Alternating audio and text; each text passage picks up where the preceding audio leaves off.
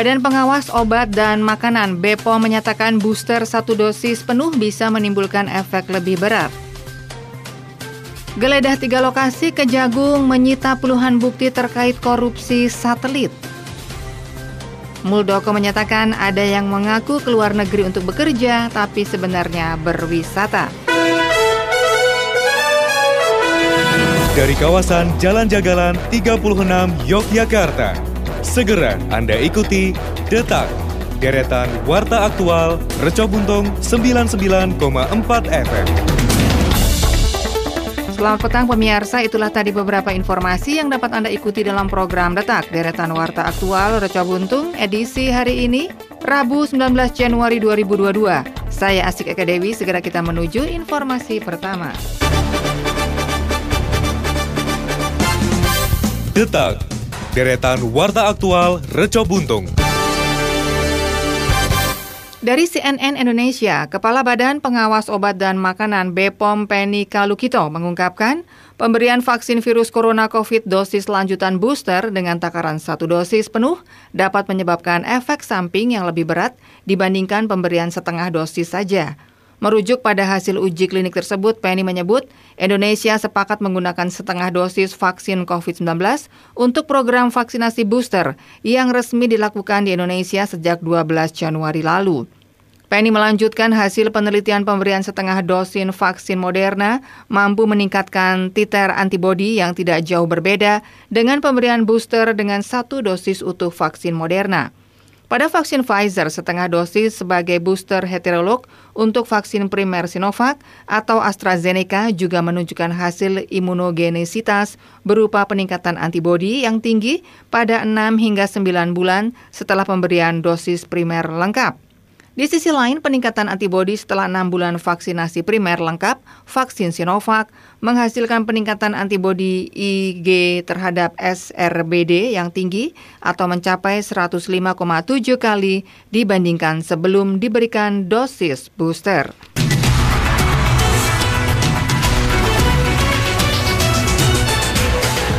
Pemirsa Kejaksaan Agung menggeledah dua kantor milik perusahaan PT Dini Nusa Kusuma atau DNK terkait dengan kasus dugaan tindak pidana korupsi pengadaan satelit Kementerian Pertahanan pada Selasa 18 Januari.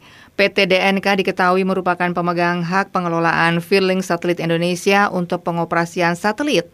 Adapun dugaan korupsi pengadaan ini terjadi pada periode 2015 hingga 2021. Demikian Kepala Pusat Penerangan Hukum Kapus Penkum Kejagung Leonard Eben Ezer Simanjuntak kepada wartawan hari Rabu 19 Januari. Ia menyebutkan dua kantor milik perusahaan itu beralamat di Jalan Prapancaraya, Jakarta Selatan dan Panin Tower Senayan City, lantai 18A, Jakarta Pusat. Selain itu, penyidik juga menggeledah sebuah apartemen milik Direktur Utama PT Dini Nusa Kusuma berinisial SW. Ia yang masih berstatus sebagai saksi juga merupakan tim ahli dari Kementerian Pertahanan. Sebagai informasi, kasus ini berkaitan dengan kontrak sewa satelit Artemis milik Avanti Communication Limited pada 6 Desember 2015. Kontrak ini dilakukan kendati penggunaan slot orbit 123 derajat bujur timur dari Kemkominfo baru diterbitkan pada tanggal 29 Januari 2016. Indonesia kemudian digugat ke pengadilan arbitrase untuk mengganti rugi lantaran proses penyewaan yang bermasalah. Yang pertama, negara digugat ganti rugi sebesar 515 miliar rupiah pada 2019 oleh Avianti. Kemudian 2021 negara kembali digugat sebesar 21 juta US dollar oleh Navajo. Menteri Koordinator Bidang Politik, Hukum, dan Keamanan Mahfud MD mengatakan bahwa pembayaran ganti rugi tersebut berpotensi merugikan keuangan negara. Kementerian diduga melakukan proses pengadaan dengan melanggar hukum.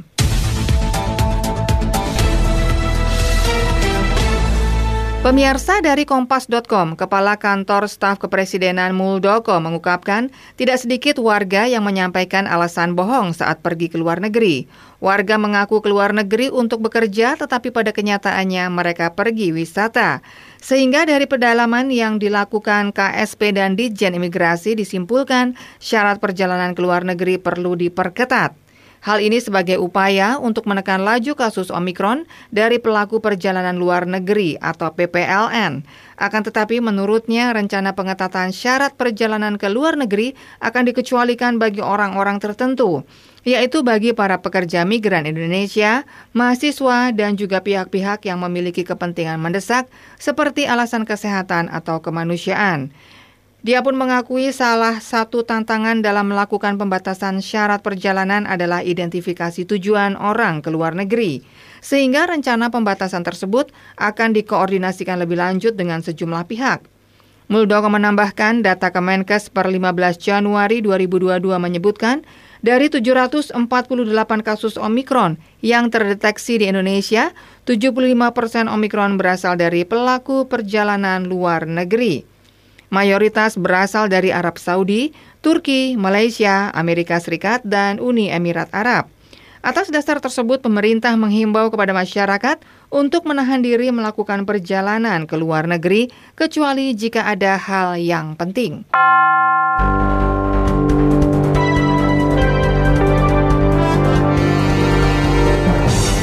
Pemirsa waspada virus corona. Penularan dari manusia ke manusia lewat cairan, batuk, bersin, dan berjabat tangan. Virus ditularkan jika Anda menyentuh cairan orang terinfeksi, lalu menyentuh area mata, hidung, mulut.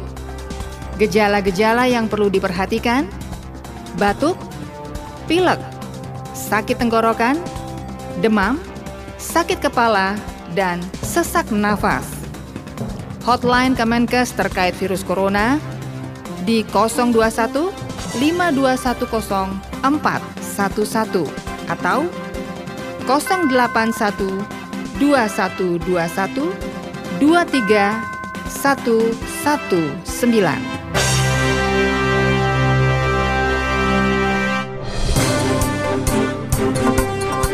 Pemirsa, kita hentikan sejenak detak reca buntung untuk kita ikuti kumandang adzan maghrib untuk daerah istimewa Yogyakarta dan sekitarnya.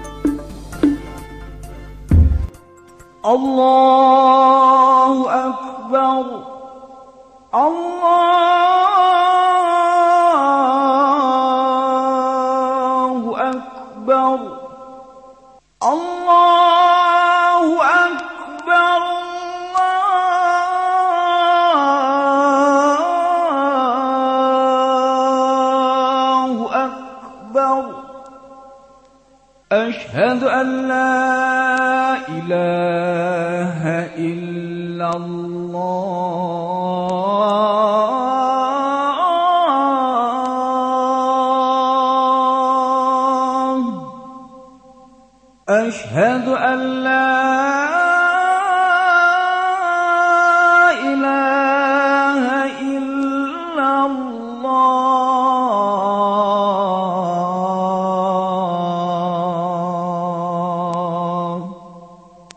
أشهد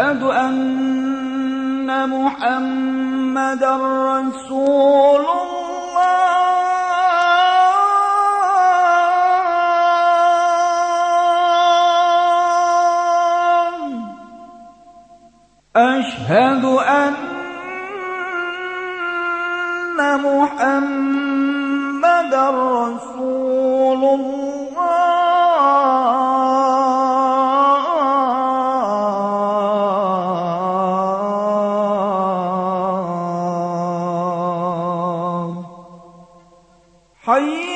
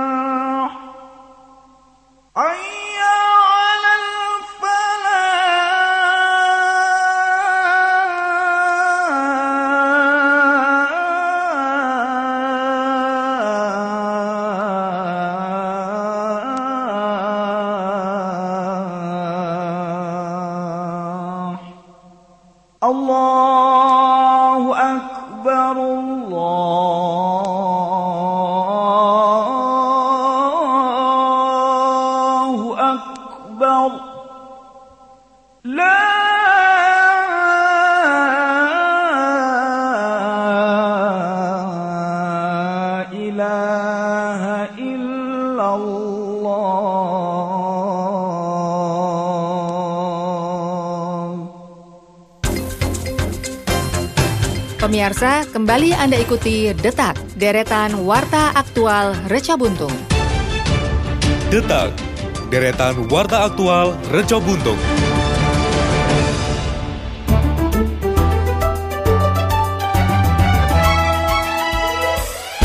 Baik pemirsa, masih Anda ikuti Detak, deretan Warta Aktual Reca Buntung bersama saya Asik Eka Dewi.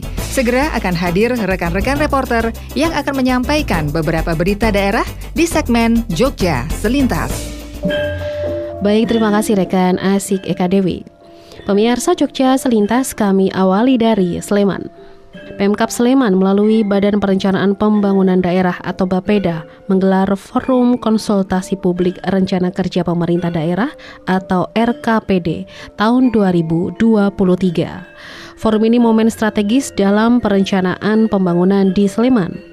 Melalui forum ini dapat mengkomunikasikan sekaligus mengkoordinasikan rencana pelaksanaan program dan kegiatan pembangunan yang diharapkan mampu menjawab permasalahan dan isu-isu strategis serta mampu memenuhi harapan dan kebutuhan masyarakat di Kabupaten Sleman.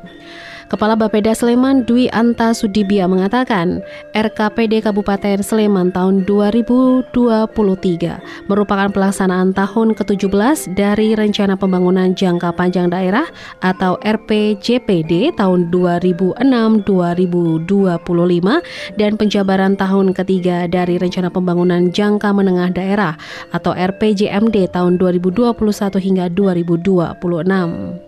Bagi perangkat daerah, RKPD merupakan pedoman untuk menyempurnakan rencana kerja perangkat daerah atau Renjapd dalam rangka mempersiapkan PPAS dan rencana kerja anggaran atau RKAPD tahun 2023.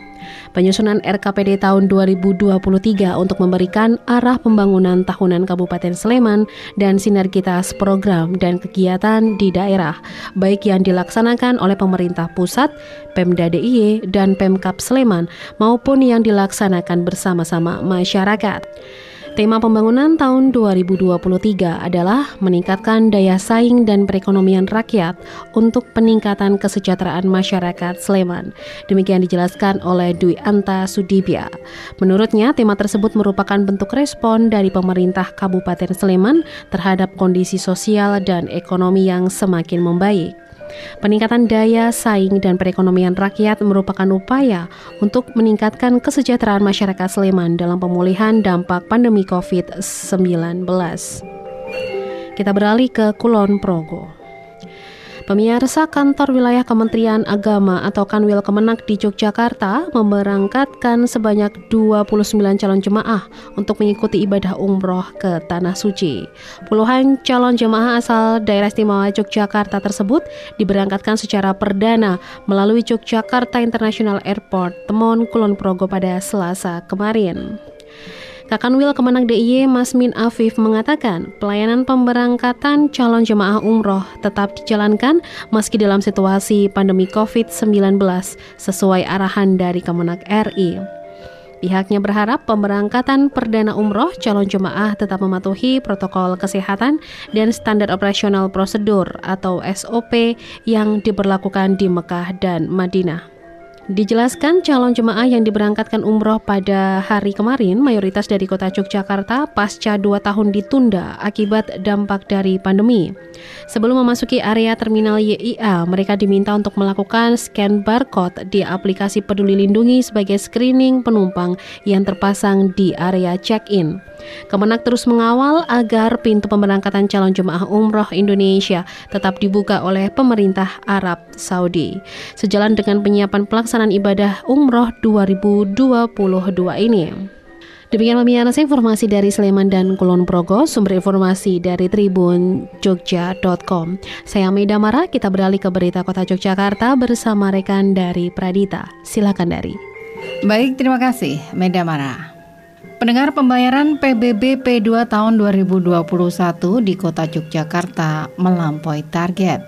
Hal tersebut seperti disampaikan Sekda Kota Yogyakarta Aman Yuryadi Jaya usai penyerahan surat pemberitahuan pajak terhitung atau SPPT PBBP 2 tahun 2022 kepada para wajib pajak melalui Lurah Sekota Jogja yang berlangsung di Geraha Pandawa, Komplek Balai Kota Timoho hari ini.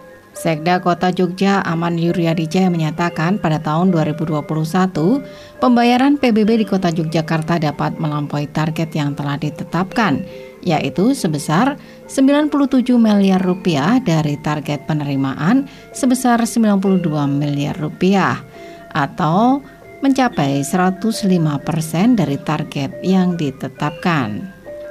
Menurutnya, PBB merupakan salah satu komponen penting dan mendasar dalam sebuah penyelenggaraan negara, pemerintahan, dan pembangunan daerah. Karena perolehan pajak menjadi salah satu sumber pendapatan daerah yang digunakan untuk membiayai berbagai aktivitas pemerintah dan memenuhi kebutuhan belanja daerah. Aman Yuryadijaya juga menyatakan bahwa Pemkot Jogja terus mendorong masyarakat untuk taat membayar pajak serta memfasilitasi dan memberikan kemudahan bagi masyarakat yang akan menunaikan kewajibannya dalam membayar pajak. Di antaranya, adanya layanan jemput bola di RW maupun kelurahan sekota Jogja dan menyediakan layanan pembayaran dengan menjalin kerjasama dengan perbankan maupun PT Pos Indonesia. Selain itu, saat ini juga bisa menggunakan aplikasi laku pandai yaitu GoPay, Link Aja, maupun Tokopedia. Selanjutnya, Sekda Kota Yogyakarta juga menyatakan agar para aparatur kementerian dan kelurahan serta RT RW agar mengingatkan masyarakat untuk dapat menyampaikan SPPT PBBP 2 kepada wajib pajak sebelum tanggal 31 Maret 2022 sekaligus memberikan informasi bahwa pembayaran PBB tahun 2022 dilakukan sebelum tanggal 30 September 2022. Di sisi lain, Kepala Badan Pengelolaan Keuangan dan Aset Daerah Kota Yogyakarta, Waseso mengatakan bahwa jumlah SPPT PBB P2 tahun 2022 sebanyak 95.660 lembar dan ada kebiasaan yang dilakukan oleh masyarakat yakni melakukan pembayaran PBB mendekati jatuh tempo. Hal ini menjadi masalah tersendiri bagi BPKAD Kota Yogyakarta karena kemudian harus membuka loket pembayaran PBB di Kementerian pada saat mendekati tanggal jatuh tempo pembayaran PBB. Pendengar, Kepala Badan Pemeriksa Keuangan RI, Perwakilan Provinsi DIY, Jariatna, menyatakan apresiasinya kepada daerah istimewa Yogyakarta sebagai salah satu provinsi dengan presentase tindak lanjut pemeriksaan BPK yang tertinggi di Indonesia. Hal tersebut disampaikan pada pemeriksaan pendahuluan laporan keuangan pemerintah daerah atau LKPD 2021 dan pemeriksaan pendahuluan kinerja pengelolaan program penanggulangan kemiskinan yang berlangsung pada Selasa di dalam Ageng Komplek Kepatian Yogyakarta. Jariatna juga menyatakan pemeriksaan pendahuluan kinerja ini dilakukan di seluruh provinsi dengan tujuan memantau tindak lanjut atas hasil pemeriksaan-pemeriksaan sebelumnya. Selain itu, pemeriksaan pendahuluan juga bertujuan untuk menilai efektivitas sistem pengendalian internal serta melakukan pengujian substantif terbatas pada transaksi akun raja dan LRA. Terkait dengan pemeriksaan pendahuluan kinerja pengelolaan program penanggulangan kemiskinan Pemda DIY, Sri Paduka Pakualam ke-10 Wakil Gubernur DIY menyatakan bahwa kemiskinan di DIY cukup unik karena karakter masyarakat setiap wilayah yang berbeda-beda. Wakil Gubernur juga menyatakan kearifan lokal sangat berpengaruh terhadap kegiatan aktivitas penanggulangan kemiskinan. Selanjutnya, Sri Paduka menyatakan bahwa hasil pemeriksaan ini akan dijadikan sebagai bahan evaluasi terkait upaya penanggulangan kemiskinan yang selama ini sudah dilakukan. Selain itu, Jariatna juga menyatakan penyerahan laporan diperkirakan tanggal 15 Februari dan diharapkan Jogja dapat menjadi contoh untuk pembuatan laporan yang tepat waktu dan sesuai kaidahnya. Demikian informasi dari Kota Yogyakarta, saya dari Pradita. Segera kita menuju ke rekan Widya Gita. Baik, terima kasih Indari. Pemirsa bersama saya Widya akan saya sampaikan informasi dari Bantul dan Gunung Kidul. Pemerintah Kabupaten Bantul tengah menggalakkan gerakan memasyarakatkan makan ikan atau gemar ikan. Salah satu tujuan gerakan tersebut adalah untuk memulihkan perekonomian pembudidayaan ikan dan nelayan di Kabupaten Bantul sekaligus untuk menekan angka gizi buruk di Kabupaten Bantul. Pelaksana tugas atau PLT Kepala Dinas Kelautan dan Perikanan, Istriani, menyatakan bahwa saat ini pihaknya berupaya meningkatkan tingkat konsumsi makan ikan di masyarakat di mana saat ini konsumsi ikan di Bantul masih rendah atau peringkat ketiga di DIY. Tingkat konsumsi tertinggi adalah kota Yogyakarta, kedua Sleman, dan ketiga adalah Bantul.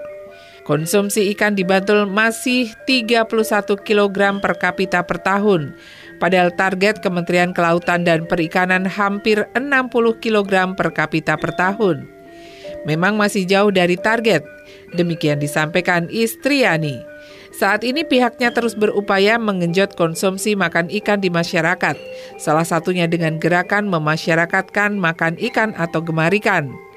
Selain akan diadakan festival punjungan dengan menu utama ikan, Punjungan sendiri bisa diartikan memberikan makanan dari yang memiliki hajatan untuk saudara atau tetangga dalam rangka meminta doa restu. Dan selama ini masyarakat jarang menggunakan menu ikan dalam tradisi punjungan. Melalui Gemarikan setiap hari Senin Pemkap Bantul mengarahkan agar pimpinan perangkat daerah Panewuse Kabupaten Bantul, pimpinan BUMD dan BUMN, kepala instansi vertikal Lurah Sekabupaten Bantul, pimpinan hotel, penginapan dan catering di Kabupaten Bantul dan masyarakat Bantul dapat memasukkan menu ikan dalam kegiatan rapatnya. Lebih lanjut diungkapkan pemerintah Kabupaten Bantul menargetkan produksi ikan budidaya tahun ini bisa mencapai 12,740 ton. Meski target tersebut lebih rendah dari capaian tahun 2021, namun ia meyakini bahwa realisasi di tahun 2022 akan lebih dari target. Sebagai upaya untuk mencapai target produksi ikan budidaya, pihaknya terus melakukan pelatihan budidaya ikan yang menyasar 24 kelompok dari sekitar 400 kelompok pembudidaya ikan yang masih aktif sampai sekarang. Selain itu juga menyediakan induk dan benih dari Balai Budidaya Ikan, pengajuan bantuan hibah budidaya ikan ke Dinas Kelautan dan Perikanan DIY. Pelatihan pengelolaan ikan berbasis ikan lele sebanyak 15 angkatan, serta pengembangan mina satu atau budidaya ikan di lahan sawah, serta pengawasan kesehatan ikan dan lingkungan. Peluang budidaya ikan di Bantul masih cukup tinggi karena ketersediaan air masih cukup bagus. Selain itu, pangsa pasar juga masih besar. Jika bisa menaikkan angka konsumsi ikan, kebutuhan akan ikan segar pasti meningkat. Sementara itu terkait produksi ikan hasil tangkapan laut pihaknya menargetkan di tahun 2022 sebesar 829 ton di mana capaian tahun lalu mencapai 850,73 ton. Produksi ikan hasil tangkapan masih lebih sedikit dibandingkan ikan budidaya. Hal tersebut karena jumlah nelayan di Bantul yang masih sedikit dan armada penangkapan ikan kurang memadai. Capaian 850,73 ton ikan hasil tangkapan dalam satu tahun diakuinya sudah cukup bagus. Armada yang digunakan nelayan berupa perahu motor tempel yang daya jelajahnya hanya di jalur satu atau sampai 4 mil dari pantai karena daya muat tangki BBM di mesin perahu kecil. Selain itu, Bantul juga belum memiliki pelabuhan seperti di Gunung Kidul dan Kulon Progo. Pemirsa kita beralih ke Gunung Kidul. Satu warga Kapanewon Wonosari Gunung Kidul dinyatakan positif COVID-19 oleh Dinas Kesehatan setempat pada hari Selasa 18 Januari 2022. Menurut informasi yang diterima, warga tersebut baru kembali dari luar negeri. Statusnya sebagai tenaga kerja Indonesia bekerja di Singapura. Menurut Siswanto Panewu Wonosari, warganya tersebut kembali dari Singapura dan menjalani karantina di Jakarta selama 10 hari. Ia juga sempat menjalani tes dengan hasil negatif. Sampai ke Wonosari selama 10 hari, kemudian bermaksud kembali ke Singapura dengan perjalanan dari Yogyakarta menuju Jakarta dengan kereta. Saat dites sebelum berangkat ke Jakarta, ternyata hasilnya positif COVID-19. Diduga penularan terjadi saat warga tersebut melakukan perjalanan dari Jakarta menuju Yogyakarta menggunakan kereta. Tracing kontak erat langsung dilakukan, terutama seluruh anggota keluarga dari warga tersebut menjalani swab antigen, kemudian swab PCR, dan belum diketahui hasilnya. Kepala Dinkes Gunung Kidul Dewi Irawati menyampaikan bahwa warga Wonosari tersebut hanya diarahkan isolasi mandiri sebab ia diketahui tanpa gejala. Nah pemirsa demikian tadi informasi dari Bantul dan Gunung Kidul sumber berita tribunjogja.com. Selanjutnya kita kembali ke rekan Asik Eka Dewi untuk menyampaikan informasi yang terakhir. Silakan Asik.